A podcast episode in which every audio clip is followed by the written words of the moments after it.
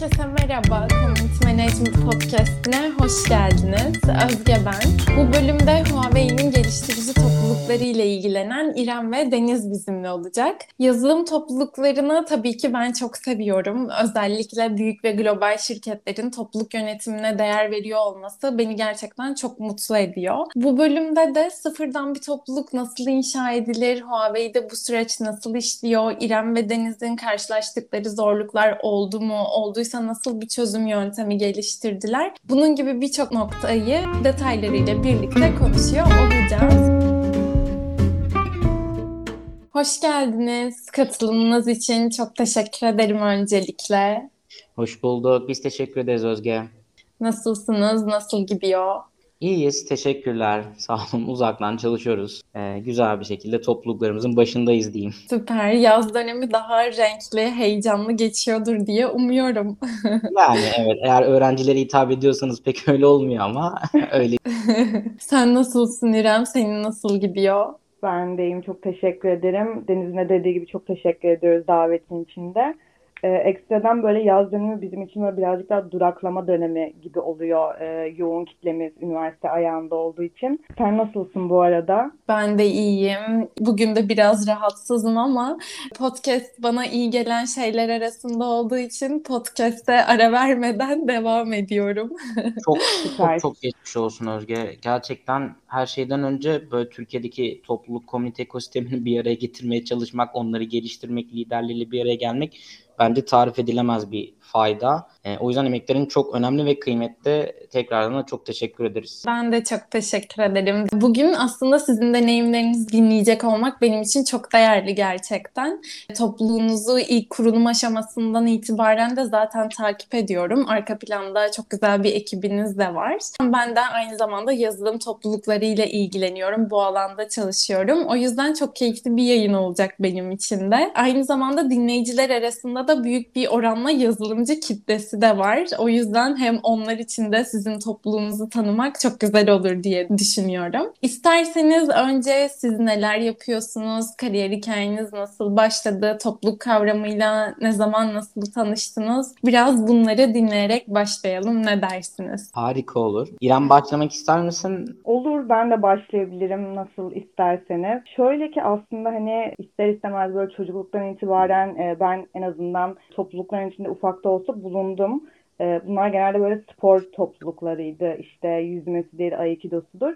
Ama çok uzun soluklu değillerdi. Yani benim bu toplulukların içinde barınabilme e, sürem diyeyim. İşte e, biraz çok çocuklu bir aileden e, geliyor olmam. Bundan dolayı böyle ebeveynle birlikte zaman ayrılması gereken topluluklara çok fazla aktif bir şekilde devam edemedim.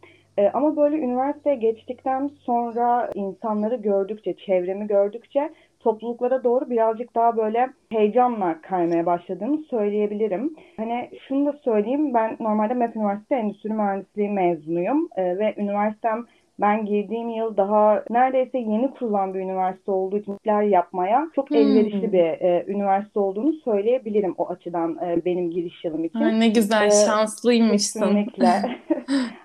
oranın biraz ekmeğini yedik diyebilirim o kısımda. Hazırlık döneminde böyle arkadaşlarımızla çok iyi anlaşınca dedik yani biz bunu neden e, bir işe de dökmüyoruz.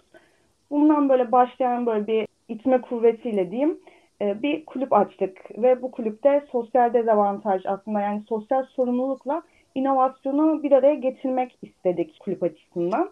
Ve bununla birlikte de böyle o dönem yani bu, o dönem değil de bu arada 2015-2016 yıllarından bahsediyorum.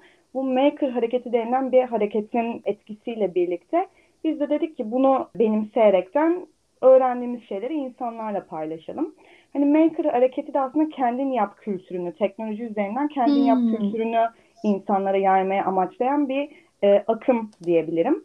Bununla birlikte işte daha çok design thinking, 3D printer e, dizaynı ya da 3D printer basımı, Arduino tarzında aslında böyle daha ufak, basit seviyede dersler vardı.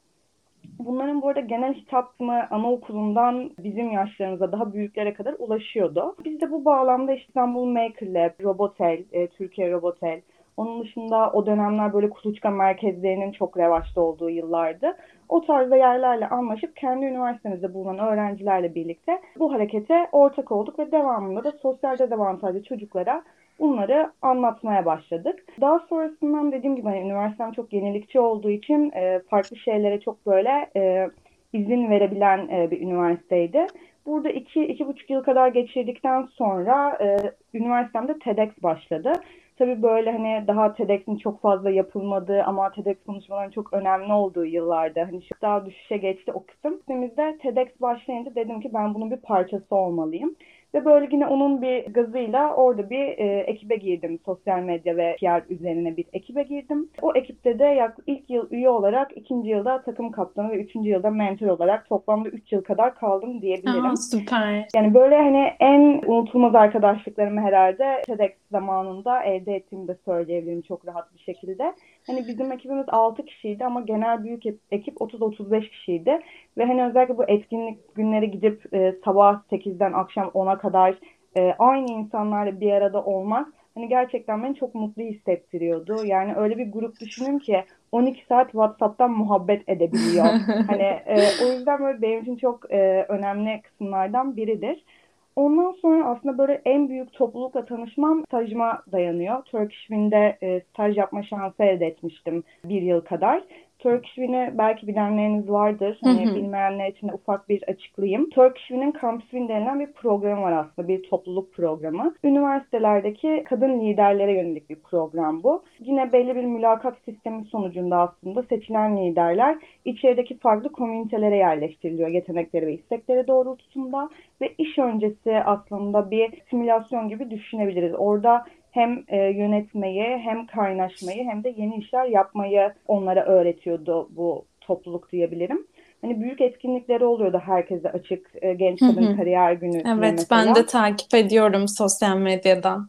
Hani mesela ben o, o şekilde tanımıştım Turkish Günü ve ondan sonra da zaten kopamadım. E, orada işte program yöneticisinin aslında e, sağ kolu şeklinde bir stajım oldu operasyon ve orada böyle çok fazla şey deneyimleyebildim. Hem yönetim açısından hem de gerçekten böyle o topluluğun ne olduğunu anlama açısından bazı şeylerin daha böyle net oturdu o kısımda da. Çünkü hani özellikle Campus Win tarafı full kız liderlere öncülük ettiği için tam bir böyle kız kardeşlik ağı denilen şeyi orada görebiliyordunuz çok net bir şekilde. Devamında da aslında yani üniversitem bitmeden tabii ki de birkaç staj daha yaptım. Ama üniversite bittikten sonra e, Huawei Türkiye ARGE merkezinde işe başladım. Ben normalde çok bambaşka bir departmandaydım. Hani hiç böyle komünitedir, etkinlikte çok böyle alakası olmayan bir departman içerisindeydim. Daha sonradan şirkette böyle bir şeyin adımlarına atıldığını duyduğumda kendi geçmişime de bakarak bu tarafa e, kaymak istediğimi fark ettim. Ve e, yaklaşık 2020 yılından beri, Eylül'den beri de aktif bir şekilde bu tarafta Deniz'in de birazdan bahsedeceği üzere Huawei'de e, Developer Relations Engineer olarak çalışıyorum. Ama hani bunu dediğim gibi Deniz bahsedecek ama bu aslında hani bunun büyük bir kısmı tamamen komünite yönetmek üzerine kurulu. Süper. Çok aktif bir süreç geçirmişsin aslında okul döneminde. Zaten farkında olmadan bence böyle yaptıklarımız bizi topluluk kariyerine sürüklediğini de düşünüyorum. Kesinlikle. Senin de çok güzel bir noktalama olmuş. Az önce de dedin aslında bu işte sabah 8'den akşama kadar o etkinlik süreçlerinden sen bahsedince böyle gözümde de canlandı gerçekten gerçekten çok heyecanlı ve hani bunu deneyimledikçe aslında çok daha farkına varılan bir nokta. Hani online dünya da çok güzel evet ama bunu o fiziksel etkinliklerde o bir arada bir şeyleri paylaşmak çok daha değerli tabii ki. Ee, böyle bir süreçte yer almana da çok sevindim. Zaten topluluk heyecanında oradan geliyor anladığım kadarıyla. Evet yani o aynı kafadaki insanlarla tanışınca ve o ortamın seni çok iyi hissettirdiğini fark ettiğinde o topluluk sürecinden hani kopamıyorsun diyebilirim. Evet. Bir evet. şekilde bir yerden virüs gibi böyle aldın onu hani sürekli o şekilde bir e, döngüye giriyorsun ve etrafındakileri de aslında onu bulaştırmaya çalışıyorsun. Doğru diyorsun. Senin peki nasıl Deniz? Nasıl başladı? Topluluklarla ne zaman tanıştın? Şimdi aslında sen de söyledin Özge farkında olmadan dedin. Benim de anlatacağım şeyler aslında çok eskiye dayanıyor. 2010-2011'li yıllar. E, çok küçük yaşta olduğum dönemler. E, anlatacağım hiçbir şeyi o dönemde farkında değildim aslında. Bunları ancak yeni yeni isimlendirebiliyorum. Aa bunu yapmışım, buna katkısı olmuş falan filan diye. Bu yıllarda 2010-2011'li yıllarda ben işte video oyunlarına çok hastaydım yani böyle. Oynamayı çok seviyordum. Oynamayı çok istiyordum daha doğrusu. Oynayamıyordum henüz çünkü çok pahalılardı. Evet. Aynen tarafından da çok takdir edilen, çok böyle izin alabildiğim de bir durum değildi. E, para da alamıyordum dolayısıyla ve oyunları satın alamıyordum. Sonrasında internette aslında araştırdım böyle bu oyunları nasıl ben ücretsiz indirebilirim, nasıl oynayabilirim derken çok da legal olmayan şu an desteklediğim metotla oyunları indirebileceğim bir web sitesiyle, bir forum sitesiyle tanıştım. O forum sitesiyle tanışırken Türkiye'nin en büyüğüydü. 44 bin üyesi vardı. Hem topluluk hem forum üyesi e, olarak. 2011-10 yılları için gerçekten çok iyi bir rakamdı. E, daha sonrasında o sitenin değerleri vardı. Daha doğrusu o sitede değerlerimiz oldu. Artık benim de değerlerim olmuştu oyun oynamak herkes için erişilebilir ve ücretsiz olmalıydı. Yani çünkü çok basit bir şey olarak görüyordum bunu ve herkes eğlenmeye erişebilmeliydi ücretsiz bir şekilde e, diye düşünüyorduk ve buna sahip çıkıyorduk. Dolayısıyla sitede oyun indirmek ücretsizdi ve hiçbir reklam, premium model yoktu. Sitede e, tamamen kurucumuzun fonlarıyla, bağışlarıyla ayakta kalıyordu. Daha sonrasında ben tabii gün geçtikçe, aylar geçtikçe siteye olan aidiyet duygum çok arttı. Hı hı. Ve içerik üretmeye başladım. Aa ne güzel. Evet orada biraz daha böyle gamer kafasıyla işte içerik üretiyordum. İnsanlara yardım ediyordum oyunları indirmelerine, kurmalarına. Derken moderatör olarak buldum kendimi sitede, forumda. Ee, bir süre çalıştıktan sonra süper moderatör oldum bayağı orada geniş bir topluğa hitap ediyordum diyebilirim. Bir forum kitlesine, oyuncu kitlesine hitap ediyorum diyebilirim. Kurucumuz iflas etti ve iflas ettikten sonra siteyi satmak durumunda kaldı. E, o dönemde de aslında o üye sayısıyla iyi para ediyordu. Yeni gelen site sahibi ise yöneticimiz ise aslında biraz daha ticari çıkarları, kar amacı güderek siteyi idare etti. Reklamlar, premium modeller ekledi. Derken bu aslında bizim oyun oynamak, herkes için erişilebilir olmak değerlerimize aykırıydı. Sonrasında e, biz dedik işte e, bu böyle gitmeyecek. Çünkü bizim en önemli aidiyet duygumuz artık yok burada. Derken her şey nasıl internet sitesi kurulur diye Google'da aratıp böyle bir internet girişimciliği serüveninin benim ve ekip arkadaşlarım açısından başlamasıyla devam etti. Biz internet siteleri açıp böyle olabildiğince farklı platformlarda bir araya gelip daha çok forum siteleri çok yaygındı o dönemde. Forum siteleri de aslında toplulukların en azından o dönemde haberleştiği, çokça mesaj paylaştığı, birbirleriyle interaksiyona geçtiği alanlardı. Evet. Ben de e, oyun üzerine gamer mantığıyla forum sitelerimizi kurup 4-5 defa e, yönettiğimiz, bir araya geldiğimiz bir serüven geçti benim için. Bir yandan da tabii yine e, oyuncu kafası olduğu için oyun serverları, sunucuları açıp orada da yüzlerce kişi bir araya geliyorduk. Onların içerisindeydim. Çeşitli roller, görevler aldım derken e, aslında bir şekilde böyle insanların arasına girmişim. O bir amaç uğruna, bir hedef uğruna evet. belli değerler etrafında toplanan insan grubuna girmişim. Tabii bunu dediğim gibi şu sıralarda böyle isimlendiriyorum. Topluluk olarak o dönemde benim için sadece e, bedava oyun indirdiğim ve bunu yaygınlaştırmaya çalıştığım bir e, muhabbette olaydı. Sonrasında e, tabii 2016'ya kadar böyle devam ettikten sonra e, o yıldan itibaren biraz daha e, profesyonel topluluk mu diyeyim artık ya da e, daha farklı amaçlar güden topluluklar mı diyeyim e, yazılım gibi e, ya da mühendislik gibi toplulukların içerisine girdim. E, topluluklar kurdum, kurucu başkanlıklarını yürüttüm. E, yine içerisi, içerisinde Türkiye'nin en büyük inovasyon topluluklarından birisi olan İnovatim'in de içerisinde bulundum. Hem bölge lideri olarak hem üniversite lideri olarak daha sonrasında da topluluğun teknik yöneticisi olarak, lideri olarak. Ee, orada çok güzel şeyler yaptıktan sonra benim aslında hayatımı değiştiren ve manevi olarak en fazla dokunan böyle topluluk olmanın gerçekten e, en fazla içselleştirdiğim dönemi yaşadım. E, bu olay da Romanya'da gerçekleşti. Romanya'da Discover Community isimli aslında topluluğu keşfet isimli bir projede yer aldım. Ki bu projenin amacı da orada e, toplumda dezavantajlı konumda bulunan çocuklara yardım etmekti. Temel bilimler eğitimi vermekti. Çünkü gerçekten çok zor durumdaydı çocuklar ve ne güzel, çok anlamlı bence. E, kesinlikle gerçekten. İşte o an aslında Özge anladım yani toplum için topluluklar denilen hani bir kavram var ya. Evet. E, onu gerçekten orada hissettim. Çünkü e, çok uzun bir proje değildi. 2-2,5 aylık bir projeydi ama e, o çocuklarla öyle e, içli dışlı olduk ki son gün benim artık görevim orada bitmişti. Topluluk üyesi olarak görevimi tamamlamış ülkeme e, dönerken e, ben artık köşeye geçtim. E, çocuklar bırakmıyordu. Çocukların girmesinin yasak olduğu bir arka bahçe gibi bölge vardı. Okulun orasına geçtim. Gerçekten dayanamadım ve böyle başımı avucum içine koyup ağlıyordum. Ya. Ee, birkaç dakika geçti Özge. Orada Michel isimli bir çocuk vardı. Gerçekten çok özel birisi. 11-12 yaşlarında ve geldi ağladığımı gördü. Yasak olan bölgeye girdi. Başını kaldırdı. Gözyaşımı sildi ve sağ avucuma e, bir kalemle bir happy yazıp bir e, gülümseme emoji. Ne tatlı. o gün Michel'e sarılıp e, hüngür hüngür ağladım. Ve e, ne zaman e, kaç yıl oldu? 4 5 5 yıl oldu herhalde bu olayın üzerinden geçelim. Ne zaman mutsuz olsam sağ e, avucuma bakıyorum ve oradaki bir happy şu an görünmüyor tabii ki çoktan. Şu an ben de duygulandım gerçekten.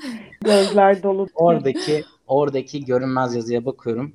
Ee, ve gerçekten böyle mutlu olmaya çalışıyorum. İşte o an e, aslında benim için bir dönüm noktasıydı. Gerçekten insanların belli amaçlar uğruna bir şeyleri değiştirmek, topluluğa iyi olmak adına e, bir araya gelmelerini çok saygıyla, çok takdire şayan olarak görüyorum, karşılıyorum. E, o yüzden aslında şu anda içerisinde bulunduğum, girdiğim, gireceğim bütün topluluklara e, tabii ki de mantık, rasyonel yönleri var ama her şeyden önce biraz daha vicdani, manevi, içsel boyuttan bakıyorum. Bunun çok kıymetli olduğunu düşünüyorum. Orayı atlattık, geçtik. Türkiye'de de benim hayatıma dokunmuş, çok fazla şey öğrendiğim, biraz da bilgi birikimi, know-how olarak toplulukta insanlar nasıl e, şematize olur, nasıl organize olurlar, e, bilmiyorum çok doğru bir kelime ama nasıl örgütlenirler da çok fazla şey kattı bana. E, yeni bir lider derneği ve girişimcilik vakfı. E, bu oluşumlar e, da gerçekten tamamen sosyal değerler uğruna toplulukları, insanları, bireyleri yetiştiren, toplum için liderler yetiştiren oluşumlar. Bunların da topluluk yönetimi, topluluğa nasıl yaklaşılır noktasına çok fazla katkısı oldu benim adıma. Şimdi e, tabii bunlar benim aslında arka planımın topluluğa dokunan noktalarıydı. Bunun haricinde ben aslında e, 8 yıl boyunca bir şekilde yazılım geliştirici olarak çalıştım hem Türkiye'de hem yurt dışında. Daha sonrasında e, bir karar alıp yazılımı bıraktım. Hayatımın sonuna kadar e, kod satırları arasında değil de biraz daha insanlarla içi dışı olabileceğim bir alan istiyorum diyerekten. E, bir yandan da yazılım e, geçmişimi çöpe atmak istemediğimden dolayı aslında developer relations ile tanışıp geliştirici ilişkileri pozisyonuyla Huawei'de ben de e, 8,5-9 ay önce başladım. R'de yazılım bir de geçmiş dönemlerde yine bahsettiğim gibi internet girişimciliği, girişimcilik deneyimlerim oldu. Çokça şey öğrendim. Hepsi başarısız ama ve yani deneyim aslında hepsi evet, bence yine de. Tabii ki kesinlikle. Bu arada gerçekten girişimciliğin de topluluk yönetimi konusunda çok fazla katkısı oluyor çünkü e, girişimci olan insanlar bir noktada sofistike oluyorlar, çok yönlü oluyorlar. Evet, e, kesinlikle. E, topluluk yönetiminde de ya da bu tarz işlerde de sofistike olmanın, her şeye yetişebilmenin bir noktada önemini en azından ben deneyimliyorum diyeyim. E, bu yüzden çok faydasını gördüm diyebilirim. Evet, sen de aslında yine kariyer yolunu topluluklarda belirlemişsin. İlki böyle o topluluğun merkezi bence forumlar zaten. Hani o süreçte o ilk kariyerinin başındaki video oyunlar zaten ilgi alanına başlamış olman çok daha güzel sürdürülebilir olmuş senin için. Sonrasında da çok güzel zaten e, çalışmalar da yapmışsın. Çok güzel. İkinizin de gerçekten çok renkli bir kariyer serüveniniz var bence. Peki burada Devrel yani aslında Türkçe'ye çevirince geliştirici ilişkileri mühendisi olarak görev alıyorsunuz ikiniz de. Biraz ilginç oluyor çevirisi sanırım. ee, aslında tabii ki bir noktada topluluk yönetimi de yapmış oluyorsunuz.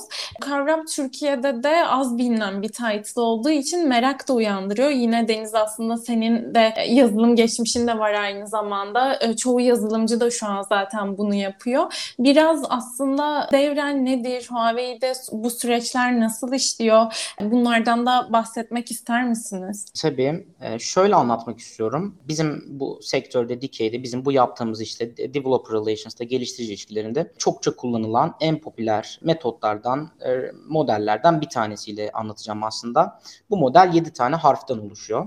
3 tane A, 3 tane R ve bir tane de P. Buna triple A RMP deniliyor aslında. Hmm. Burada bir hikaye var bu süreci aslında 7 tane harfi içeren. O hikayeyi de şöyle bahsedebilirim sanırım. Bir Ali var, bir boğa şirketi var, bir de enerji içeceği var. Ali bir gün Ekstrem Sporlar Festivali'ne katılıyor ve orada çokça böyle boğa şirketinin reklamlarını görüyor. Sembollerini görüyor, enerji reklamlarını görüyor. Daha sonrasında etkinlik bitiyor, festival bitiyor.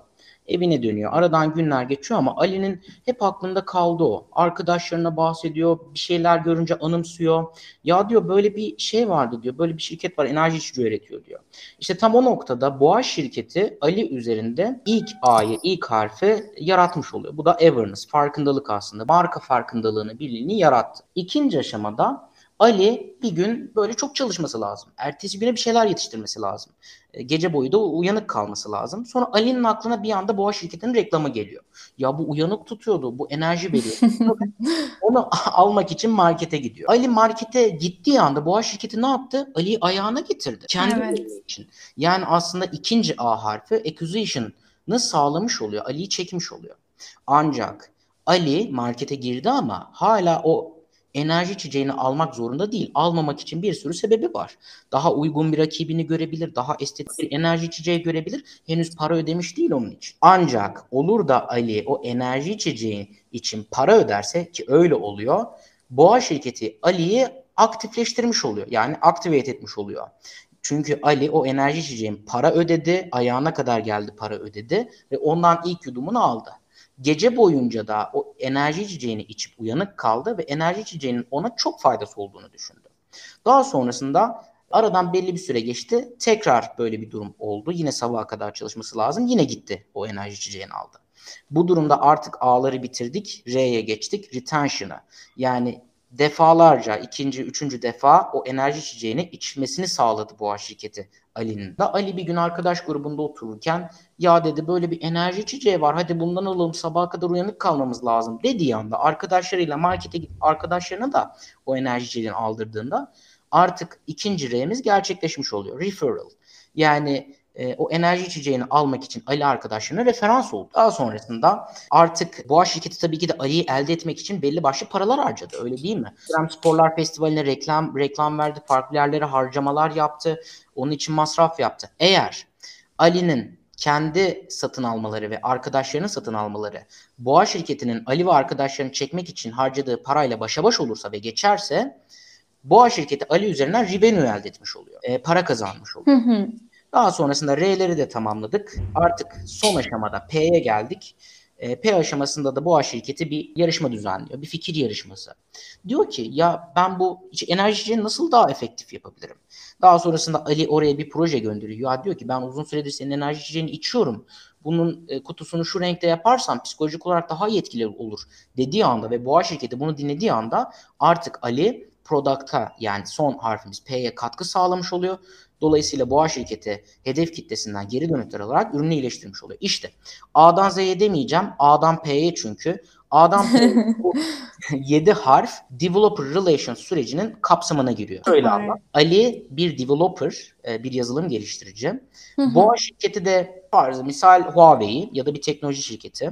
Enerji içeceği de bir API olabilir, bir SDK olabilir veyahut her neyse. Yani herhangi yazılımcılara yönelik bir ürün olabilir. Yani bunları yerini değiştirdiğinizde e, alın size aslında Developer Relations'ın e, journey'si. E, bunun farklı alt dalları da var. İşte birçok fazla komponentten oluşuyor Developer Relations. De- Developer Evangelism ya da Developer Marketing ya da Advocacy e, ya da DX dediğimiz e, Developer Experience gibi. Bu üç tane A'yı kapsayan, ağırlıklı olarak kapsayan değil mi? Aslında Developer Evangelist. Yani evangelistler aslında e, daha çok yeni müşteri getirmeye, farkındalık yaratmaya, yeni müşterileri çekmeye ve ürünü kullandırmaya yönelik etkinliklere giderler, bildiklerini anlatırlar. Developer evangelism e, ve marketing bir aslında outbound roldür. Yani şirketin know-how'ını, o pozisyonda çalışan kişinin bilgilerini dışarıya aktarır. Bunun tam tersi aslında advocate var. Advocate de e, inbound bir roldür. Bunlar da yazılım geliştiricilerden şirketin içerisine, product team'e, ürün ekibine e, bilgi aktarırlar, feedbackler toplarlar gibi gibi aslında bunun alt dalları ve bir kümülatif bir sonucu, bir süreci vardır. Peki biz aslında community'de bu işin neresindeyiz? Community Developer Relations'ın aslında ayrılmaz bir parçası. Tamamen base oluşturuyor. En alt seviyede ve tüm e, buradaki harflerin her birisine, metriklerin her birisine katkı sağlıyor. Ancak en fazla yoğunlaştığı yer 3A yani topluluklar arasında farkındalık yaratmak, yeni birilerini kazandırmak. Çünkü topluluk mekanizmasında çok meşhurdur bu arkadaşlarını getirmek gibi. Evet.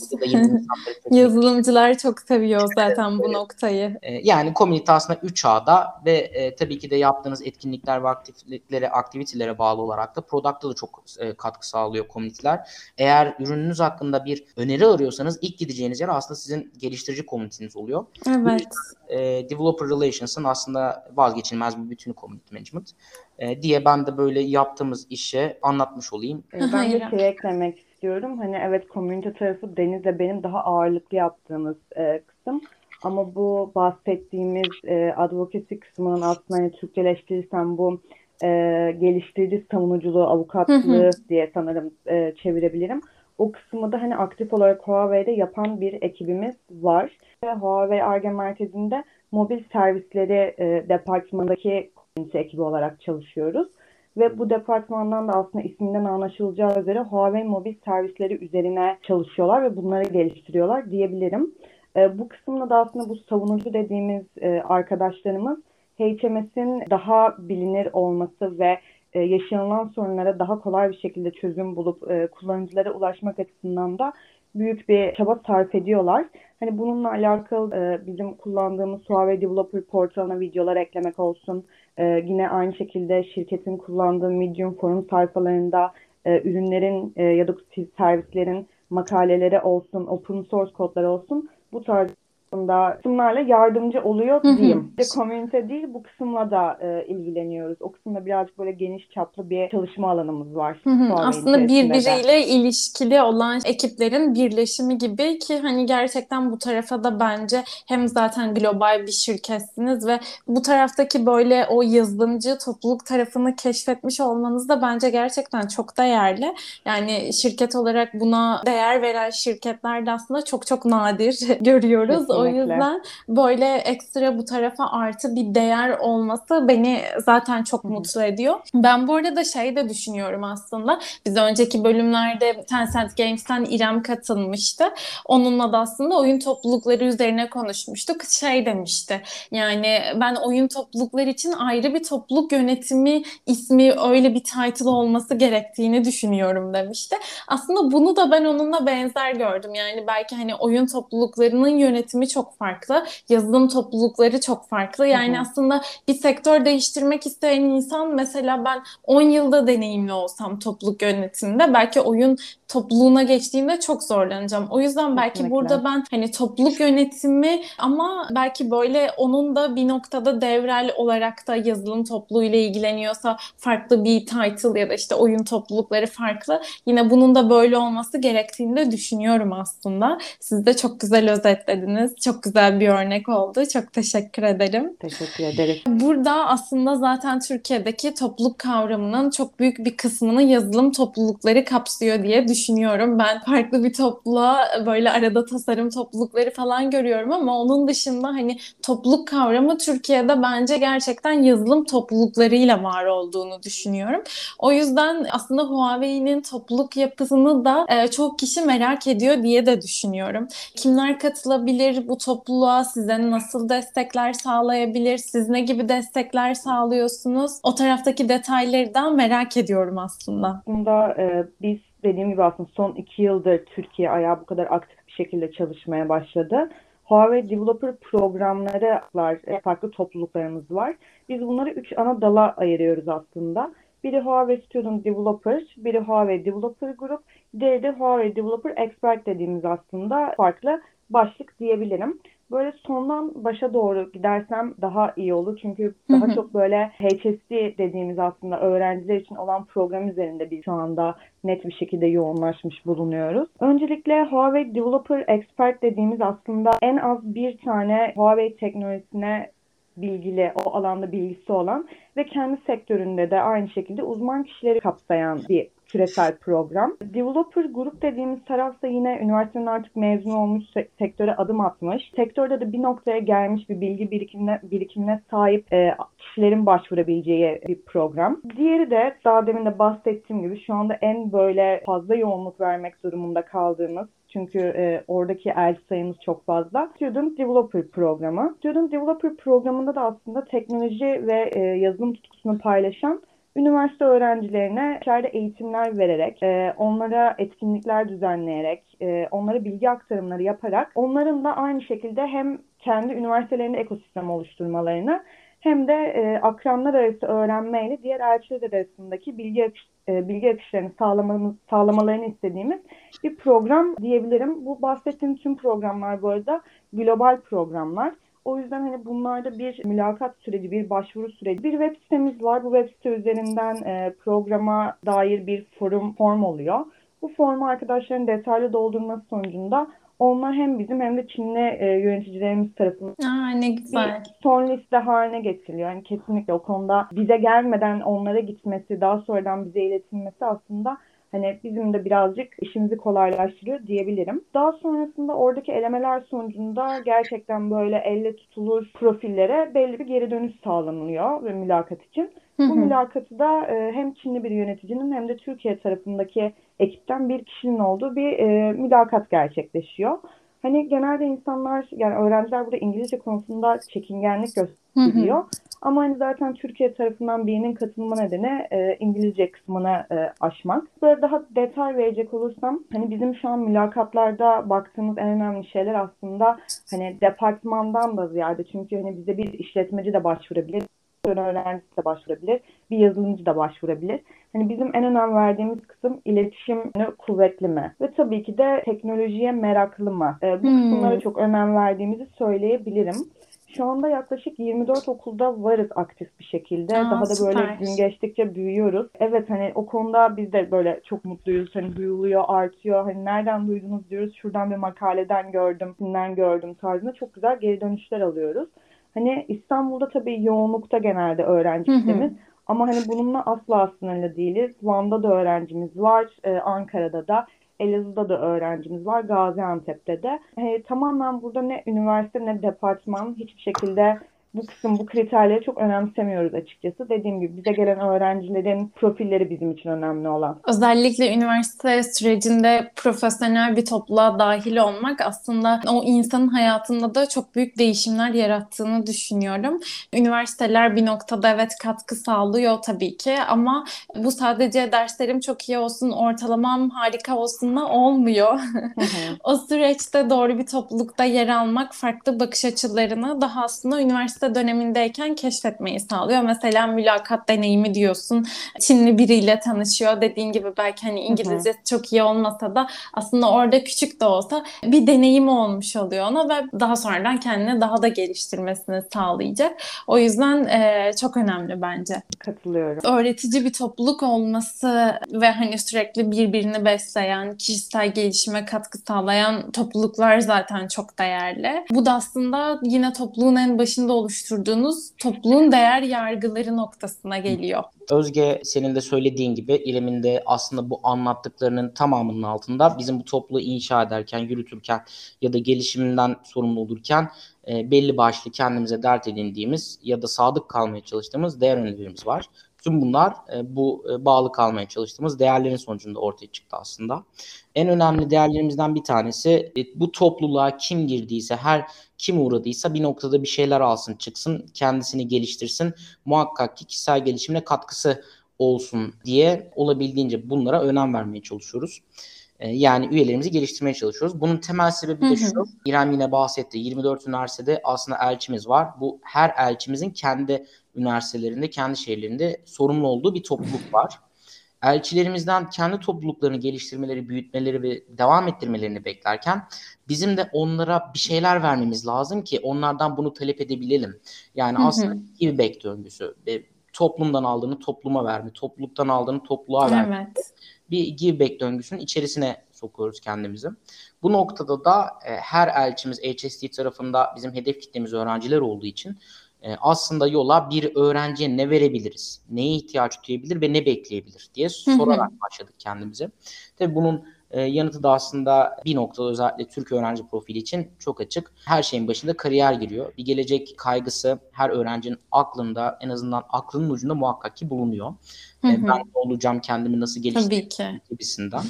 Bu noktada elçilerimize gelişme noktasında, kariyer noktasında e, her şeyden önce programın tüm modüllerinden yararlanabileceği bir sertifika veriyoruz.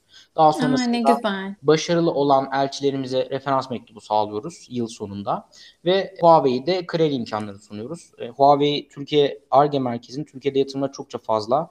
E, o yüzden e, bu noktada elimiz güçlü diyebilirim. İyi e, performans gösteren, yaptığı işi önemseyen, topluluğu önemseyen elçilerimize olabildiğince Huawei'de e, staj gibi imkanlar da sunuyoruz. Bunun en güzel örneklerinden bir tanesi aslında zamanında HST elçimiz, elçilerimizden bir tanesi olan Samet'ti. Şu an aynı ekipteyiz ve bu topluluğun aslında bir noktada yürütülmesinden sorumluyuz diyebilirim. Gerçekten çok fazla şey katıyor ve ondan çok fazla şey öğreniyoruz. Bir yandan da yine öğrencilik döneminde bir ekosistem içerisine dahil olmak, insanlarla interaksiyona geçebilmek, onları e, profesyonel anlamda networking e, üzerine kurgulayabilmek, bunu kullanabilmelerini sağlamak, böyle bir ortam yaratmak da çok önemli. Bu yüzden hem birebir eşleşmeler, içeride mentor mentee eşleşmeleri e, gibi e, farklı program modülleri hmm. var ki onları olabildiğince ekosisteme, küresel ekosisteme entegre edebilelim.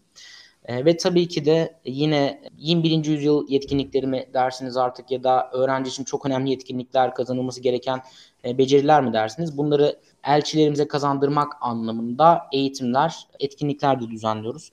Bunun en güzel örneklerinden bir tanesi geçen ay yaptığımız gerçekten teknoloji kariyeriyle, yöneticilik, liderlik kariyeriyle çok ön, ön plana çıkan Tansuyen ve bu ay içerisinde de yapacağımız Ahmet Orhon etkinliği eğitimleri diyebilirim. Aslında o tarafı da sürekli besliyorsunuz da yani aktif bayağı. Yani e, aslında elçilerimize liderliğin liderliğinizi sergileyin derken o liderliğin altını doldurmak adına liderliği e, başarılı bir şekilde uygulayan insanlarda olabildiğince know-how aktarımını elçilerimize doğru yapmaya çalışıyoruz e, demiş olayım.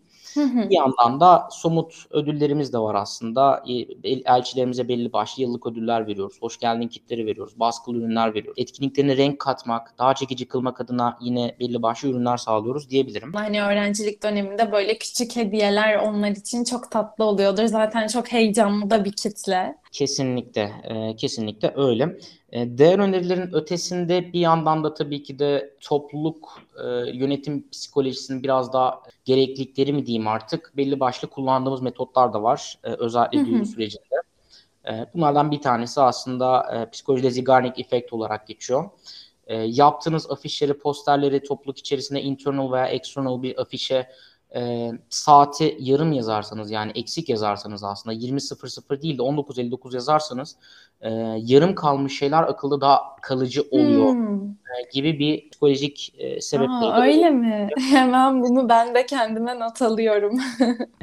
ya böyle ufak tip triklerde aslında e, uyguluyoruz diyebilirim. E, günlük hayatta herkesin motivasyonunda değişiklik gösterebiliyor ya da hani yapılan faaliyetlerde topluluk içerisinde böyle o çabalarını ön plana çıkartmak aslında özellikle topluluk üyelerin veya sizin motivasyonların da devamlılığını sağlamak da zor. Bunun için tabii ki size çok görev düşüyor. Siz de bence bunu çok güzel yönetiyorsunuz zaten.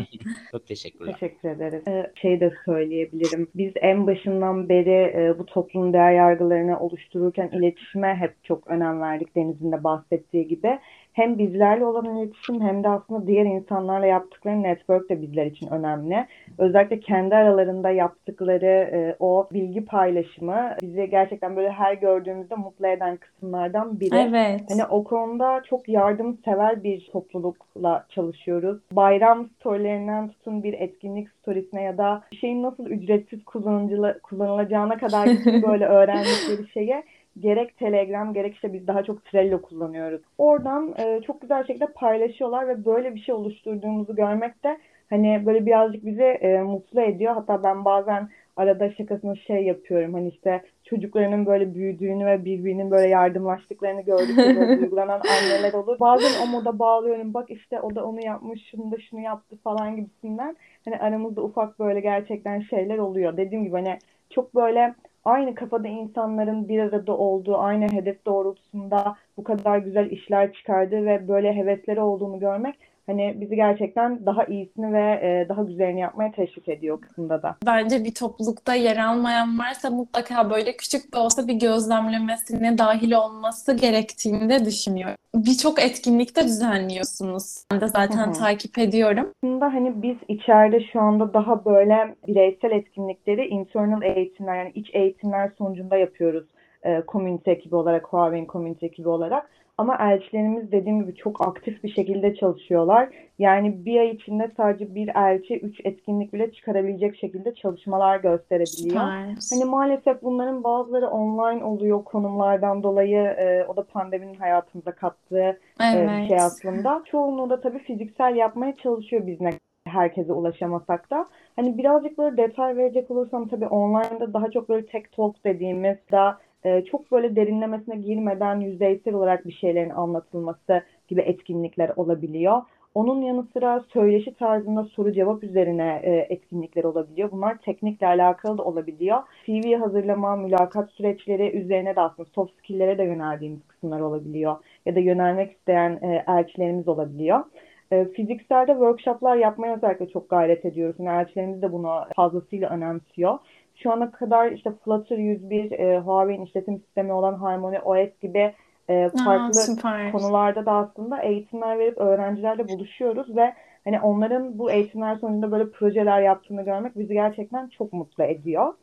Ee, onun dışında aslında e, şeyden bahsedebilirim. Biz Huawei olarak elçilerimize çok büyük etkinlikler gerçekleştiriyoruz Huawei Fest adında. Böyle yaklaşık bir gün süren Huawei'in hem ARGE merkezinin bilgisinden hem Huawei Developer gruplarından, Huawei mobil servislerinden, içeride geliştirdiğimiz bazı ürünlerden, 5G'den e, bu tarzda aslında konuların anlatıldığı sectionlara bölünmüş yaklaşık bir gün süren diyeyim ama o bir gün hani işte sabah 10, akşam 5, 6 olan bir gün gibi olan etkinliklerden yapıyoruz. Şu anda e, bu zamana kadar aslında Van 100. Yıl Üniversitesi'nde, Elazığ Fırat Üniversitesi'nde, e, Ankara Üniversitesi'nde bir de Aydın'da e, bunları şu ana kadar gerçekleştirdik. Umarım atladığım yoktur. Tarzında şeyler de yapmaya çalışıyoruz ki hem öğrenciler Huawei'in aslında ne kadar kurumsal gibi gözükse de hani onlara hı hı. tamamen seslendiğini fark etsin. Hem de dediğim gibi biz bunları geliştirirken zaten hani en önemli amaçlarımızdan biri ARGE şirketi olmamız en önemli, en önemli amaçlarından biri de öğrencilere dokunmak. Çünkü Hani biliyoruz ki ileride bizim yerimize onlar gelecekler. Evet. Hani o yüzden ne kadar aslında geleceğe yönelik e, işe alımı da artırırsak kendi açımızdan söylüyorum özellikle kendi teknolojilerimiz açısından hani hem bizler için hem de ileride e, kariyer bulmaları açısından, kariyer hayatları açısından en iyisi olacak diye düşünüyoruz. E, bir de şeyi ekleyebilirim. Hani biz e, tabii hem ARGE merkezi olduğumuzdan hem de e, uluslararası bir şirket olduğumuzdan dolayı çok fazla yarışmalarımız oluyor. Bunlar e, bir hayli büyük yarışmalar diyebilirim. E, bunlardan biri artık böyle gelenekselleşmiş olan BTK kodlama maratonu. E, belki duymuşsunuzdur e, evet. e, bunu da. Hani bu her yıl e, gerçekleşiyor. Huawei tarafında da yapay zeka ve mobil servis tarafıyla e, yarışmaya katılabiliyorsunuz. Hani e, burada bildiğim kadarıyla herhangi bir ön koşul yok öğrenci olmanız ya da sanırım 18 yaş sınırı var. Ama hani detaylarını her yıl açıkladığımda hem sitemizde hem bizim e, developer grup e, sosyal medyalarında paylaşıyor oluyoruz. Bunun yanında Digix Seed for Future gibi e, yarışmalarımız oluyor. Şu anda birazcık daha böyle detaylı bahsetmek istediğim ve başvuru kısmı açık olan da ESAP yarışmamız var. ESAP yarışmamız şu şekilde söyleyebilirim. Yine uluslararası bir yarışma ve e, yanlış hatırlamıyorsam Deniz yanlış hatırlıyorsam düzelt yaklaşık olarak 1 milyon doğru, dolar doğru. 1 milyon e, dolar bir küresel çapta var. ödül var ama tabii kategorilere göre paylaştırılıyor bu ödül. Evet mesela şey gibi e, en iyi inovasyon işte e, HKMS konusunda en iyi inovasyonu yapan e, kişi de olabilir. Teknoloji alanında çalışan en iyi projeye sahip kadın developer'da, developer'da olabilirsiniz. E, birazcık daha detay verecek olursam aslında EdSap'taki beklentimiz Huawei mobil servislerine, Huawei mobil servislerine kitlerini kullanaraktan bir proje yapmanız ya da var olan projenize bu e, kitleri entegre etmeniz e, bekleniyor sizden. Çok e, güzel. Kesinlikle hani ben de böyle bazen şey sorularını görüyorum. Benim böyle bir projem var başka bir yere başvurdum ama başvurabilir miyim? Yani zaten detaylı olarak böyle çok sorulanlar kısmında da var. Ama benim bildiğim kadarıyla başvurabiliyorsunuz. Dediğim gibi sadece önemli olan HMS'i en iyi şekilde e, en inovatif şekilde, farklı şekilde e, kaydetmeniz ve entegre etmeniz diyebilirim. Şu anda bunun açık bir program yani başvurular devam ediyor. 9 Ekim gibi e, bitecek başvuruları ve sonra da ilk eleme e, kısmına geçiş olacak. Hani web sitede çok detayları yazıyor. E, eğer hı hı. bakmak isteyen arkadaşlar varsa oradan bakabilir. Ekstradan bir de bizim ekiplerimizin yardımcı olduğu bir Discord'umuz var yine EPSAP üzerine de. Hani bununla alakalı da buradan da aslında yardım için ulaşabilirsiniz. Aa, süper evet hatta hani açıklama kısmına biz linki de ekleriz zaten. Çok da tamam, güzelmiş bence. Olur. Sen hediyeyi duyunca evet. herkes bence başvurmak isteyebilir.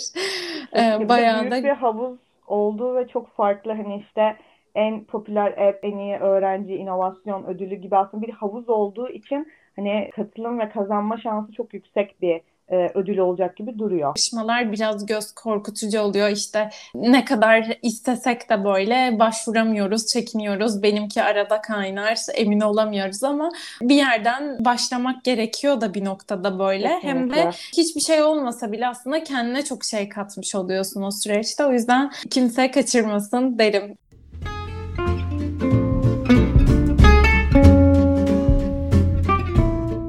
Gelelim işin yıldız noktasına. Pandemi döneminde kurulan bir topluluksunuz aslında. Zaten böyle birçok topluluk raporuna göre de pandemi döneminde yeni toplulukların çok fazla arttığı da araştırılıyor.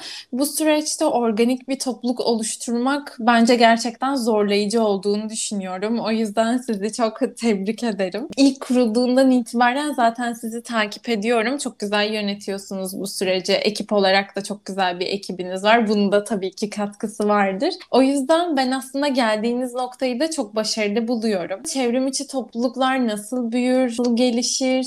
Bu soru bence çok önemli. Çünkü çoğu kişi topluluğunu başlatma aşamasında sorun yaşıyor. Onlara da yön gösterici olmuş olur da diye düşünüyorum. Burada paylaşmak istediğiniz deneyimleriniz var mı? Tabii ben şöyle anlatayım. Pandemi gerçekten bizi birazcık zorladı en başlarda.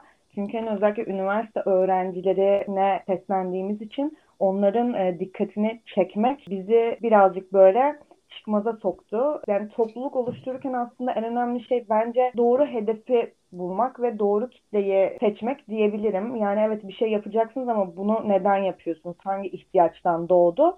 Hani önemli olan aslında bunu belirlemek, devam edebilmek ve devam edebilme motivasyonunu bulabilmek için Hani bu kısımda Huawei zaten dediğim gibi global bir program olduğu için belli hedefler koyulmuştu. Ve biz de bu doğrultuda aslında Türkiye tarafına göre uyarlayaraktan bu hedefleri gerçekleştirmeye başladık. Hı hı. Ee, bunlardan tabii en önemlisi misyon ve vizyon oluşturduktan sonra bir e, şema oluşturmaktı. Hem yönetimle alakalı hem de içeriye elçiler girmeye başladıktan sonra bir aktivite şeması oluşturmaktı.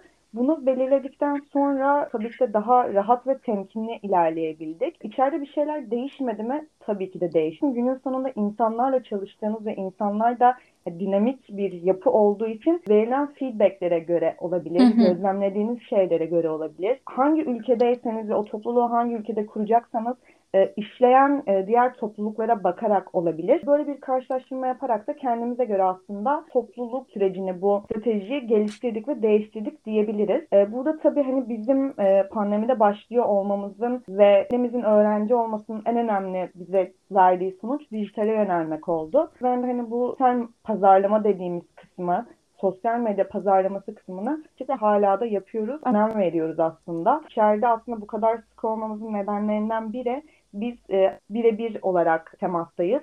Yani bu da ne demek oluyor? İsteyen istediği zaman bize gruplarımız içerisinden ulaşabilirler. O yüzden bence topluluk e, yönetmenin ve bir topluluğun kendini tam olarak ait hissetmenin en önemli kısmı gerçekten o topluluktaki o öne, önemli yönetim kısmı dediğimiz kişilerle birebir çalışmak ve birebir bir şekilde iletişim halinde olmak diyebilirim. Bir de hani belki şeyi ekleyebilirim. Pandemide başladığımız ve üniversitelere hedef aldığımız için e, şu tarzda şeyler de yaptık ufak yarışmalar yaparak HMS üzerine e, bir anket açtık. E, böyle böyle bir programımız var. Bu programa katılmak ister misiniz? Bu programda bir temsilci olmak ister misiniz? Tabii ben etkinliklerde gidip HSC'yi de detaylı olarak anlatıyordum. Evet diyen arkadaşlarla program tam olarak başlamaya yani başlattığımız zaman bu arkadaşlarla aslında iletişime geçmiş olduk. Yani bize dediğim gibi bana çok farklı şeyler kattı. Kendi kişisel Instagram DM'imden üniversite kulüplerine yürüyordum. Bilmiyorum bunu hepimiz yapmıştır. İnsanlar bir noktada artık beni ciddiye almamaya başladı. Hatta bir e, arkadaşımın mezun olduğu Fake hesap yazdım. mı diye düşünmüş Aynen öyle. Olabilirler. mesela biri yazdı ama hani bize dalga mı geçiyor? Bu kişi gerçekten şirkette mi çalışıyor tarzında. Ve böyle dönmediklerinde de tabii ister istemez bir motivasyon düşüşü e, yaşanıyor. Ama hani burada en, ön- yani en özellikle hani hayatın her alanında aslında yapılması gereken şey pes etmemek oluyor. Evet. Ne olursa olsun gerçekten o başlama gücü pes etmeyip pes etmeyip ilerlediğinizde gerçekten sizi doğru insanlarla ya da doğru kaynaklarla bir araya getiriyor diyebilirim. Evet, bu bence zaten topluluk yöneticilerinde de ya da hani bu işle ilgilenen kişilerde de olması gereken özelliklerden birinden de bahsettim bence. Topluluk kavramı zaten çok dinamik, anlık ihtiyaçları sürekli karşılayabilmek gerekiyor ki o anda da hani motivasyonun durumlarını da az çok aslında tahmin de edebiliyorum. Kesinlikle. O yüzden o süreçte pes etmemiş olman aslında seni nerelere taşıdı. Bu da bence güzel bir başarı hikayesi. Katılıyorum yani zordu ama başardık.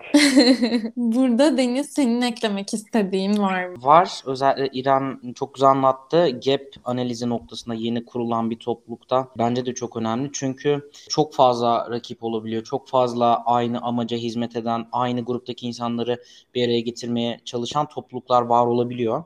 Ki özellikle Türkiye gibi gelişmekte olan ülkelerde muhtemelen ki artık sistemin belli başlı yerlerde yetersiz kalmasından dolayı STK'lar, sivil toplum kuruluşları ortaya çıkıyor. Ee, işte örneğin geliştiriciler öneriyor. Geliştiricilerin üniversitelerde verilmeyen yazılım eğitimlerini bir şekilde daha efektif vermeye çalışması bu toplulukların ve e, o geliştirici bir araya getirme kaygısıyla bunlar kuruluyor ve özellikle Türkiye gibi ülkelerde çok fazla STK ve bunların toplulukları var olabiliyor. Bu noktada yeni bir topluluk inşa ederken ya da kurma kararı aldığımızda aslında e, piyasada ülkemizde hedef e, kitlenin bulunduğu coğrafyada halihazırda hangi toplulukların var olup e, olmadığına bakmak çok önemli oluyor. Örneğin Friends dizisi severler topluluğu kuracağız. Ama halihazırda buna hitap eden e, Friends dizisinin fanlarını toplayan onlarca topluluk olsun. Burada bir şeyi bölüştürmek ya da yeni bir topluluğa girişmeden önce o toplulukların neyi eksik yaptığı ya da onların üyelerinin neden şikayetçi olduğu, neden e, bizim istediğimizi e, veremedikleri, neden bizde böyle bir fikir uyandırdığını araştırmak gerekiyor. Burada bir gap analizi yapmak gerekiyor. Ki Evet, işte çok yeni güzel bir nokta bence. ee, ki biz de burada yeni topluluğumuzu inşa ederken, kurarken, büyütürken aslında oradaki gapleri doldurabilelim. Çok daha efektif ve verimli bir topluluk oluşturabilelim. Oradaki sistemi iyi hale getirebilirim aslında. Bu gap analizine ek olarak e, özellikle e, yine bir topluluğun sistematik bir şekilde yürümesi için de bence bilimsel metotların e, bu alanda üretilmiş, literatürde üretilmiş akademik içeriklerin taranması, en azından bir incelenmesi çok çok kritik. Çünkü içlerinde gerçekten çok güzel etkiler barındıran içerikler olabiliyor. E, yani bir şekilde aslında bilimsel bir background, bilimsel bir dayanağı olması en azından yönetimsel şemada e, çok çok kritik. Özellikle topluluklarda aidiyeti ölçmek adına çokça makale var, çokça içerik var ki topluluğun zaten olmazsa olmazı aslında aidiyeti yaratmak, sizin Evet. üyelerinizin size kendilerini e, aile ortamında gibi hissetmesi aslında kısaca. kısaca. E, bir yandan da tabii ki de toplulukta aslında hayatın her anlamında öyle. Yöneticilik değil liderlik. Çokça danışmanlık veren e, kurum e, kişiler bile ortaya çıktı aslında menajerleri, yöneticileri, liderlere çevirmenin üzerine danışmanlık veriyorlar. Bir anda zaman, sistem artık yöneticilikten liderliğe e, kayıyor. E, yöneticiler e, artık eskisi kadar başarılı değil çünkü dünya değişiyor. Bu noktada topluluklar aslında e, bence toplulukların yöneticisi değil liderleri olmalı. Bu yüzden de liderlerin yapması ya da yaptığı en tipik hareketlerden bir tanesi de üyelerini, ekip arkadaşlarını dinlemek. E, Bir noktada biraz daha teknik kavramlarla aslında hiyerarşik yönetimde top down iletişim, yukarıdan iletişim, bir de bottom up, e, en alttan yukarıya iletişim dediğimiz e, iletişimin çift taraflı olması, yani her ikisinde olması e, topluluk liderlerinin, yöneticilerinin tırnak içinde söylemiş olayım, üyeleriyle bir şekilde feedback mekanizması geliştirmiş, onları dinliyor olabilmesi gerekiyor. Bir noktada sen üyesin ve bu topluluğun e, idaresinde de söz hakkına sahipsin. Hissiyatını anketleri vermek yeni kurulan bir toplulukta bizce çok önemli. Feedback anketleri olur farklı, bunları toplama, e, toplantılar olur. Biz de HSC'de aslında sıkça e, yapıyoruz e, bahsettiğimiz üzere birebir toplantılar e, ya da feedback anketleri e, gibi gibi olaylar. Bir yandan da yeni kurulan bir topluluk için en önemli parametrelerden bir tanesi, başarı parametrelerinden bir tanesi de visibility. E, görünürlük aslında. Var olan topluluğun görünür olması lazım ki yeni üyeleri, yeni kişileri bünyesine çekebilsin.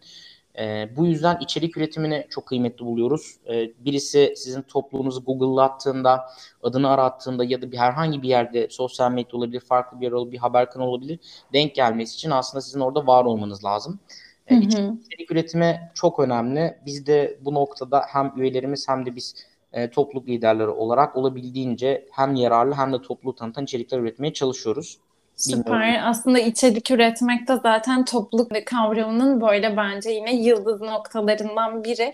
Bu arada aidiyet de dedin aslında. O da bence zaten çok değerli ve ben böyle bazen düşünüyorum. Hani sadece aslında topluluk kavramı değil yani girdiğimiz her ortamda eğer ait hissetmiyorsak durmuyoruz. Bu özellikle hani profesyonel bir ortamsa bir çalışma ortamındaysa bile en küçük örnekle o yöneticinin de bu kavramları öğrenmesi gerekiyor. Nasıl çalışanlarını oraya ait hissettirir. O yüzden aidiyeti ölçmek az önce bahsettiğin analiz yöntemleriyle de bence zaten çok önemli. Evet. Kesinlikle katılıyorum zaten. Ee, bu ya tabii ki de aidiyeti ölçmenin üzerine çok fazla bilimsel metot var. Bu işin çok derine iniyorlar. Çok deep dive evet. ama en temel düzeyde bizim anlayabileceğimiz, görebileceğimiz düzeyde sizin eğer bir topluluk üyeniz Instagram hesabında, Twitter hesabında ben şurada elçiyim, şunun üyesiyim diye bir tekleme yapıyorsa e, biyografisinde olur, herhangi bir post storiesinde olur. Bu bile aslında mükemmel bir şey. Hatta evet. yapmadığında, yapmadığında aslında sorgulamamız lazım. e, yeterince o kişinin hayatına yer edinememişiz ve o kişi de e, bizim parçamız yani bu toplumun bir parçası olduğunu gururla e, manifesto edemiyor. Yani aslında bizim harekete geçmemiz nokta o. Eğer 24 elçimizden e, bir tanesi bunu yapmamışsa bizim aslında onunla yakından ilgilenip bir şekilde orada araştırması araştırılması gereken bir durum olduğu noktasında bize sinyal veriyor temelde. Evet, ya kesinlikle. Eğer herhangi bir topluluk üyeniz sizin herhangi bir baskılı ürününüzü sosyal medyasında paylaşıyorsa bu aslında temel düzeyde çok çok basic level'da e, bir aidiyet göstergesi diyebiliriz. Bu tarz ufak minik aslında ipuçlarını da kullanarak üyelerinizin, liderlerinizin, topluluk içi liderlerinizin topluluğa ne derecede kendine ait hissettiğini de görebilmek e, mümkün. Evet, kesinlikle. Yazılım toplulukları bence çok değerli ve yönetilmesi de keyifli ama zor olabilen de topluluklar aynı zamanda. E, çünkü genelde iletişimi seven bir kitle var, sevmeyen de bir kitle var. Sosyalleşme, yeni şeyler üretme açısından da biraz zorlayıcı olabilir ki özellikle öğrenci topluluklar için daha kolay da olabilir. Onlar çok daha gelişim seviyorlar da. Bu noktada topluluk içerisinde karşılaştığınız zorluklar oldu mu? Olduysa nasıl çözüm yöntemleri ürettiniz? Onları da merak ediyorum. Olmaz mı? Olmaz mı? Kesinlikle. Ama... şimdi sıkmaz. yani şöyle hani e, yani en büyük tabii ki de motivasyondan e, kaynaklı olan e, zorluklardı. Bu arada hani bence yani bana kalırsa öğrencilerin motivasyonu normal bir çalışanın motivasyonundan daha inişli çıkışlı. Hem özel evet. hayat hem üniversite hem yaş işte bir kaygı, kariyer stresi, gelecek kaygısı derken aslında daha çok iniş çıkış gördüğümüz gruplardan biri bence öğrenciler. Ben de bunu zamanında çok yaşadım. O yüzden zaten en başta dediğim gibi biz çok iletişim içerisinde olduğumuz için biri bizle iletişimi kestiği an ya da normalde yapacağından farklı bir e, yorumda bulunduğu an aslında biz onu e, içeride, iç tarafta e, fark ediyoruz ve çok böyle büyük bir sonuca ulaşmadan önce müdahale etmeye çalışıyoruz. Bu kapsamda da benim aslında kampüsünde bunu gördüğüm e, bir birebir kültürü yarattık içeride. Hani bunu normalde aslında her dönem bir kere ama tabii böyle işte çok uzak kaldıysak işte hem bayram oldu bu dönemde mesela hem yaz tatili çok da uzak kaldık. Hadi bir daha bir birebir yapalım tarzında aslında e, sectionlarımız oluyor. Hani bu birebirlerde tüm elçilerle e, 24 elçi olduk. 24'üne de ekstradan bir 20-30 dakikalık bir slot ayırarak onlarla hem motivasyonları üzerinden hem de aslında benim hep birebirlerde özen gösterdiğim kısım şu ki hani ben onları gerçekten e, sadece temsilci oldukları ve etkinlik yapmalarını istediğim için sormuyorum soruları. Gerçekten hayatlarında her şey yolunda mı? Çünkü önemli olan en başta insan olarak önemsemek ki sonra birbirimize karşılıklı fayda sağlayabilelim. Hani bu yüzden okul süreçlerinden e, anlatmak istedikleri bir şey var mı? Sağlıksal bir şey. Hani bunlara kadar genelde mümkün olduğunca birbirimize açık iletişim sayesinde konuşmaya çalışıyoruz. Hani bu birebirler sonucunda tabii ki de hani çok güzel çıktılar elde ediyoruz. En azından hani o kişinin aslında bizim bir hatamızdan ya da bizim bir şey eksik ettiğimizden dolayı bu motivasyon düşüşünü yaşamadığını gör, görünce hani insan böyle bir tık daha içi rahatlıyor diyebilirim. Hani bunun dışında Deniz yıl sonu ödüllerinden bahsetti. İçeride belli bir puanlama scoring metodumuz var.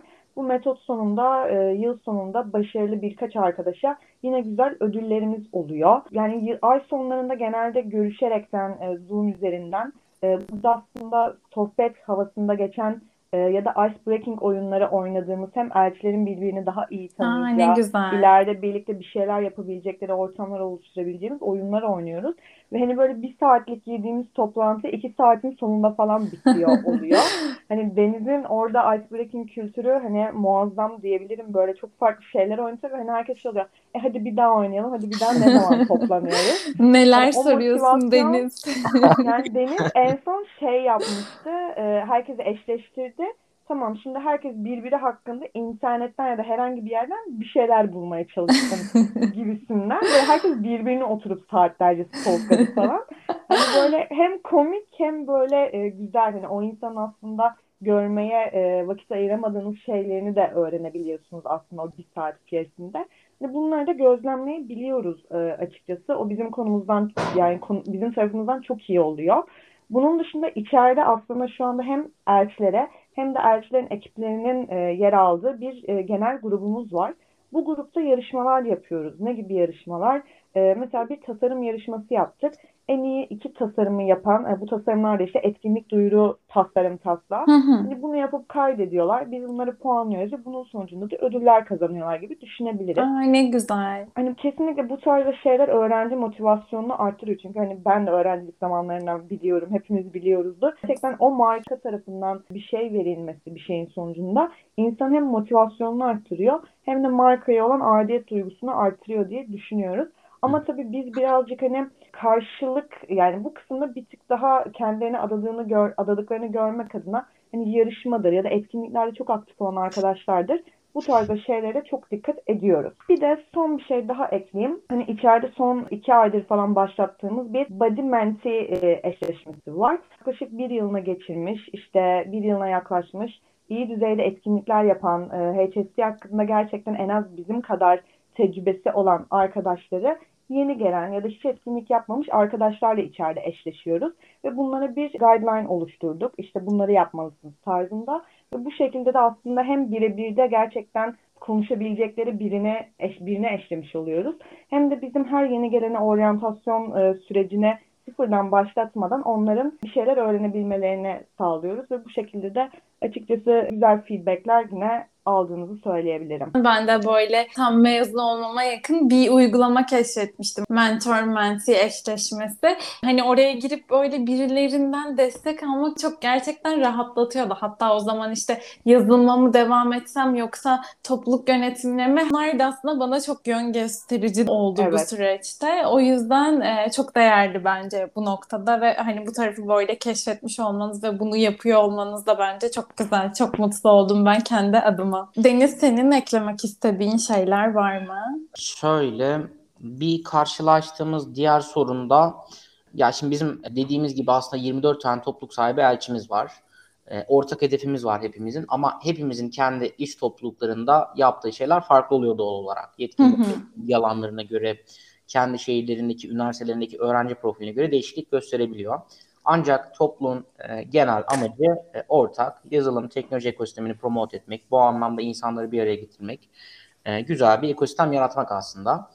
E, bunu yaratırken de e, belli başlı yapılacak e, şeyler var işte.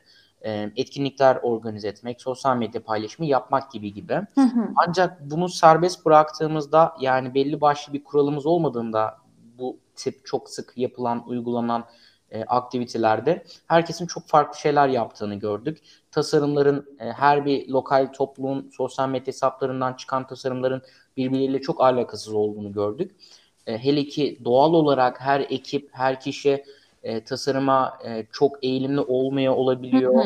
E, yetenek eksikliğinden dolayı e, profesyonel tasarım çıkaran birisini bulamayabiliyor. E, çok doğal şeyler. E, tüm toplulukların bir şekilde tek çizgide align olması, e, tasarımların ortak e, görünmesi, e, ortak temada var olması çok önemliydi. E, biz de bu yüzden e, aslında elçilerimize bir e, tasarım kiti oluşturduk. Hem Canva'dan hem Photoshop komponentlerinden. E, onlara iletiyoruz. E, Photoshop bilenler komponentleri kullanıyor. Bilmeyenler Canva üzerinden tasarımlarına devam ediyor gibi. Aslında bu sosyal medyadaki e, ortak e, bir temada görünme sorununu da çözmüş olduk. E, bir yandan da şimdi herkes etkinlik yapıyor. Etkinliklerin 3 aşağı 5 yukarı akış şeması yapılması gerekenler e, daha çok workflow veya checklist denebilir. E, aynı oluyor. İşte katılımcılara e, bul, katılımcılara etkinliğin şu kadar süre kala hatırlatma yap, linki ilet, sahne ekipmanlarını ayarla gibi gibi aslında her tipik etkinliğin içerisinde bulunan iş yüklerini sıraya soktuğumuz ve elçilerimizin, ekiplerinin etkinlik organizasyon boyunca onlara tik ata ata gittikleri şemaları ilettik ki aslında hem burada bir know-how aktarımı yapmış olduk hem de etkinlik organizasyon sürecine tek bir şemada toplamış olduk. Bunların kullanımı zorunlu değil ancak elçilerimize e, belli başlı noktalarda yararlı olabileceğini düşünerek bunları ilettik ki tüm topluluk e, bir noktada e, tek bir çizgide buluşsunlar diye. Bir yandan da platform önerilerimiz oluyor. Şu ihtiyacınız için şu programı kullanabilirsiniz. Çevrim içi etkinlikleriniz için e, şuna gidebilirsiniz gibi gibi kitler, e, marka kitleri diye anlatabilirim bunları. Bu da aslında çok güzel. Yani topluluk kiti oluşturmuşsunuz bir noktada. Böyle işte kurallarıdır ya da o renk ayrımlarıdır sosyal medyada vesaire hepsinin aynı olması ve o yüzden böyle bir ortak noktada buluşabilmek, herkese de aslında bunu böyle o topluluğun kuralları dahilinde anlatabilmek de çok güzel. Bir yandan da e, aramıza katılan elçilerimiz, üyeleri muhakkak muhakkak ki soruyorlar yani. Çok evet. sorularla. Şu var mı, bu var mı falan filan diye derken aslında hepsine ayrı ayrı yanıt vermektense aramıza katılan üyelerimize, elçilerimize olduğu gibi bir Welcome Pack ismi altında, hoş geldin paketi ismi altında getiriyoruz. İçinde yine İrem de bahsetti bu e, mentor mentee eşleşmesi için iç süreçlerimizde. Bir guideline, guideline'larımız da var. Tüm süreçte nasıl ilerleyecekler, e, nasıl bir çerçeve takip edecekler hem guideline'ları hem bu branding kitleri, bu tasarım kitlerini, etkinlik checklistlerini, workflow'ları hepsini iletiyoruz. Onların da çok işine geliyor. Böyle tek bir yerde derli toplu e, bulabiliyorlar. Bu sorunu da bu şekilde aslında atlatmış olduk. Burada e, Discord'da yönetiyordunuz sanırım değil mi topluluğu? Evet, evet. Discord ama e, aslında böyle asıl iletişim almış şu anda bizim Telegram hmm. diyebilirim. E, çünkü hani Telegram hem telefondan daha hızlı bir şekilde iletişim kurabiliyoruz. Hem de hani oradan başladığımız için aslında süreci birazcık or- orada sabitledik diyebilirim. Ama böyle yayınlarımız olsun, yine bu e, duyurular vesaire bir şeyleri şu anda ufaktan Discord'da da taşımaya başladık. Anladım. Burada geçen haftaydı sanırım e, topluluk yöneticileri Slack kanalından bir soru gelmişti. Discord tarafında topluluk yöneten var mı? Böyle bir hani kurallar şeması oluşturan var mı diye Tuğsem'in sorusuydu yanlış hatırlamıyorsam. E, Discord'u dediğim gibi hani biz de böyle yeni yeni kullanmaya başladığımız için e, tam olarak topluluğu Discord'dan yönetmek nasıl hmm. olacak? Tam olarak bize yüzde yüz neler lazım? Hani birazcık onları deneyimleme aşamasındayız.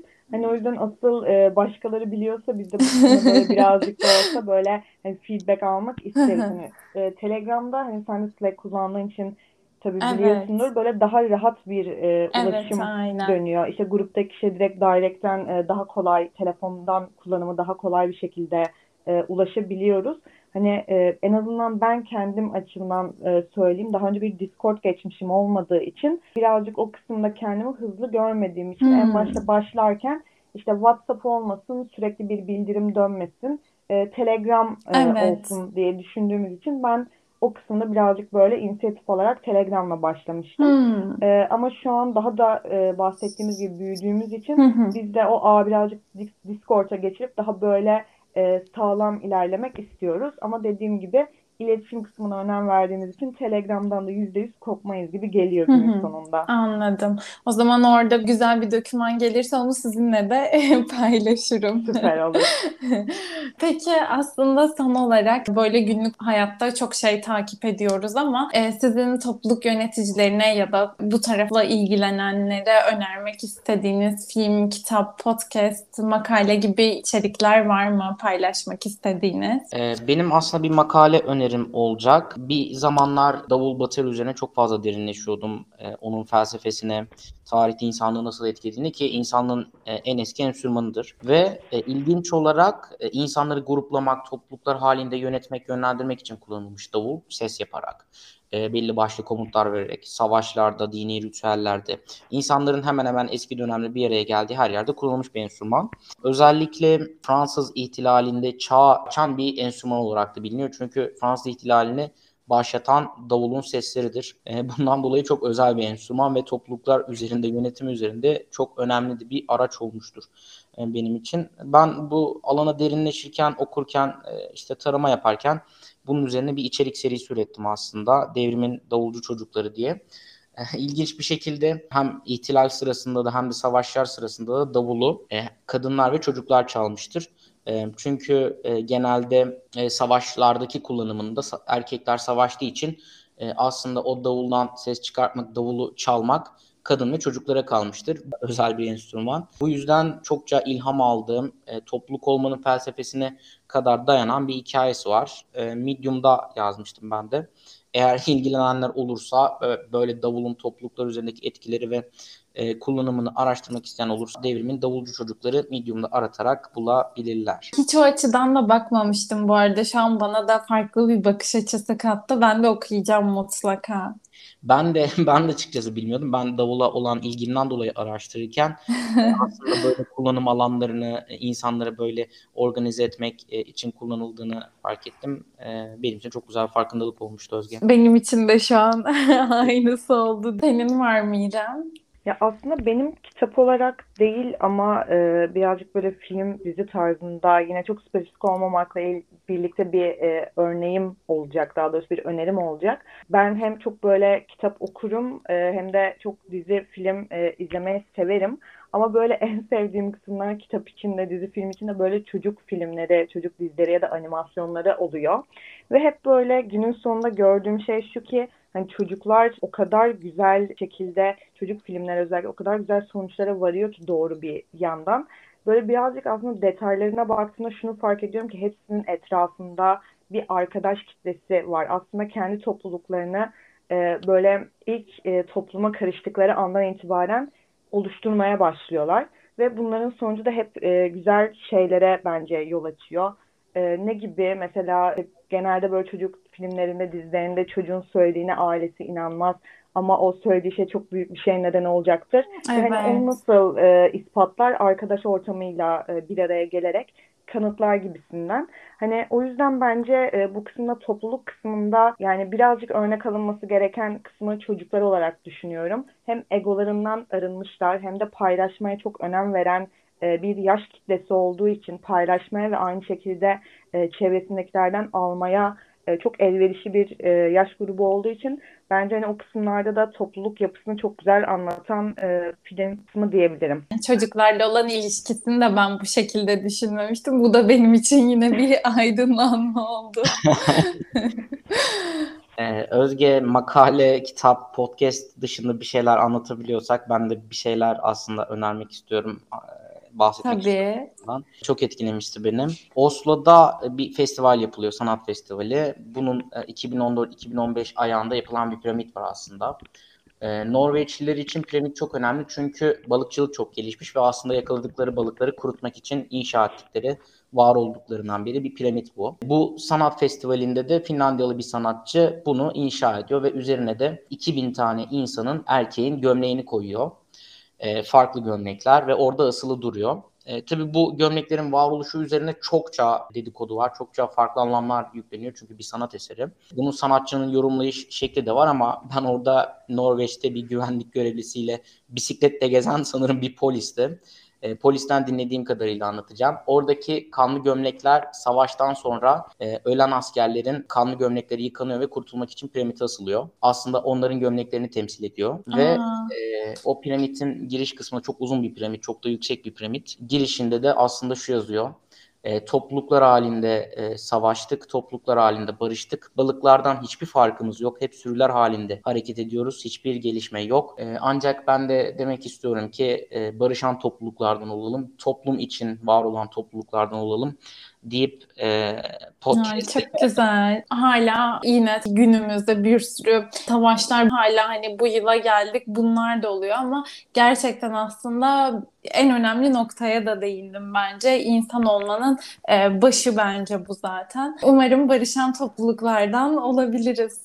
Kesinlikle kesinlikle. Umarım. Umarım. Doğru bir bitiriş olmayabilir. Bu çok böyle sevdiğim bir podcast. O yüzden ona çok önermek istiyorum aslında. Eray Erdoğan'ın 5 kişi podcast'i. Belki duyanlarınız vardır. Biz kendisini bir TEDx'imizde konuşmacı olarak ağırlama fırsatı bulmuştuk Eray Erdoğan'a ve sonrasında da hani böyle yakın takibime giren kişilerden biri olduğunu söyleyebilirim. Belki bil, yani bilenler vardır ama hani e, bu bir aslında bu beş kişi isminin çıkışı e, şu cümleden geliyor. İnsan çevresindeki beş kişinin ortalamasıdır. Bunu sanırım hmm. bir yazar söylemişti. Ve buradan aslında bakarak hani insanların şunu fark etmesi gerekiyor. Yani en yakınımızdaki kişiler ailemiz olmak zorunda değil. Evet. Çünkü hani onlar bizim kendi seçtiğimiz kişiler değil etrafımızda olması evet. için tek tek seçtiğimiz kişiler değil. Aslında buradaki beş kişiyi seçerken biz kendi filtrelerimizi kullanıyoruz. Ve bu yüzden de bu filtreleri kullanırken e, ortalamamızı yani kendi potansiyelimize ulaşmak için doğru seçimler yapmak istiyorsak bence bunu ancak kendi e, hedeflerimiz doğrultusundaki insanlarla bir araya gelerek bulabiliriz diye düşünüyorum. Ve bunun da bence en e, iyi başlangıç yolunun da topluluklara katılmak olduğunu düşünüyorum. Çünkü aslında yine günün sonunda hep söylediğimiz gibi siz gerçekten hangi alanda ilerlemek istiyorsanız bu sadece kariyer açısından değil hı hı. bu arada bu bir spor da olabilir, müzik de olabilir, bir kitap kulübü de olabilir. Hani bu alandaki insanlarla bir araya gelmeniz bence çok kıymetli bir şey. Ve bu kişilerle de zaten hani biriyle de görüşseniz, üçüyle de görüşseniz, yirmisiyle de görüşseniz aslında siz kendi içinizde bir topluluk yaratmış oluyorsunuz.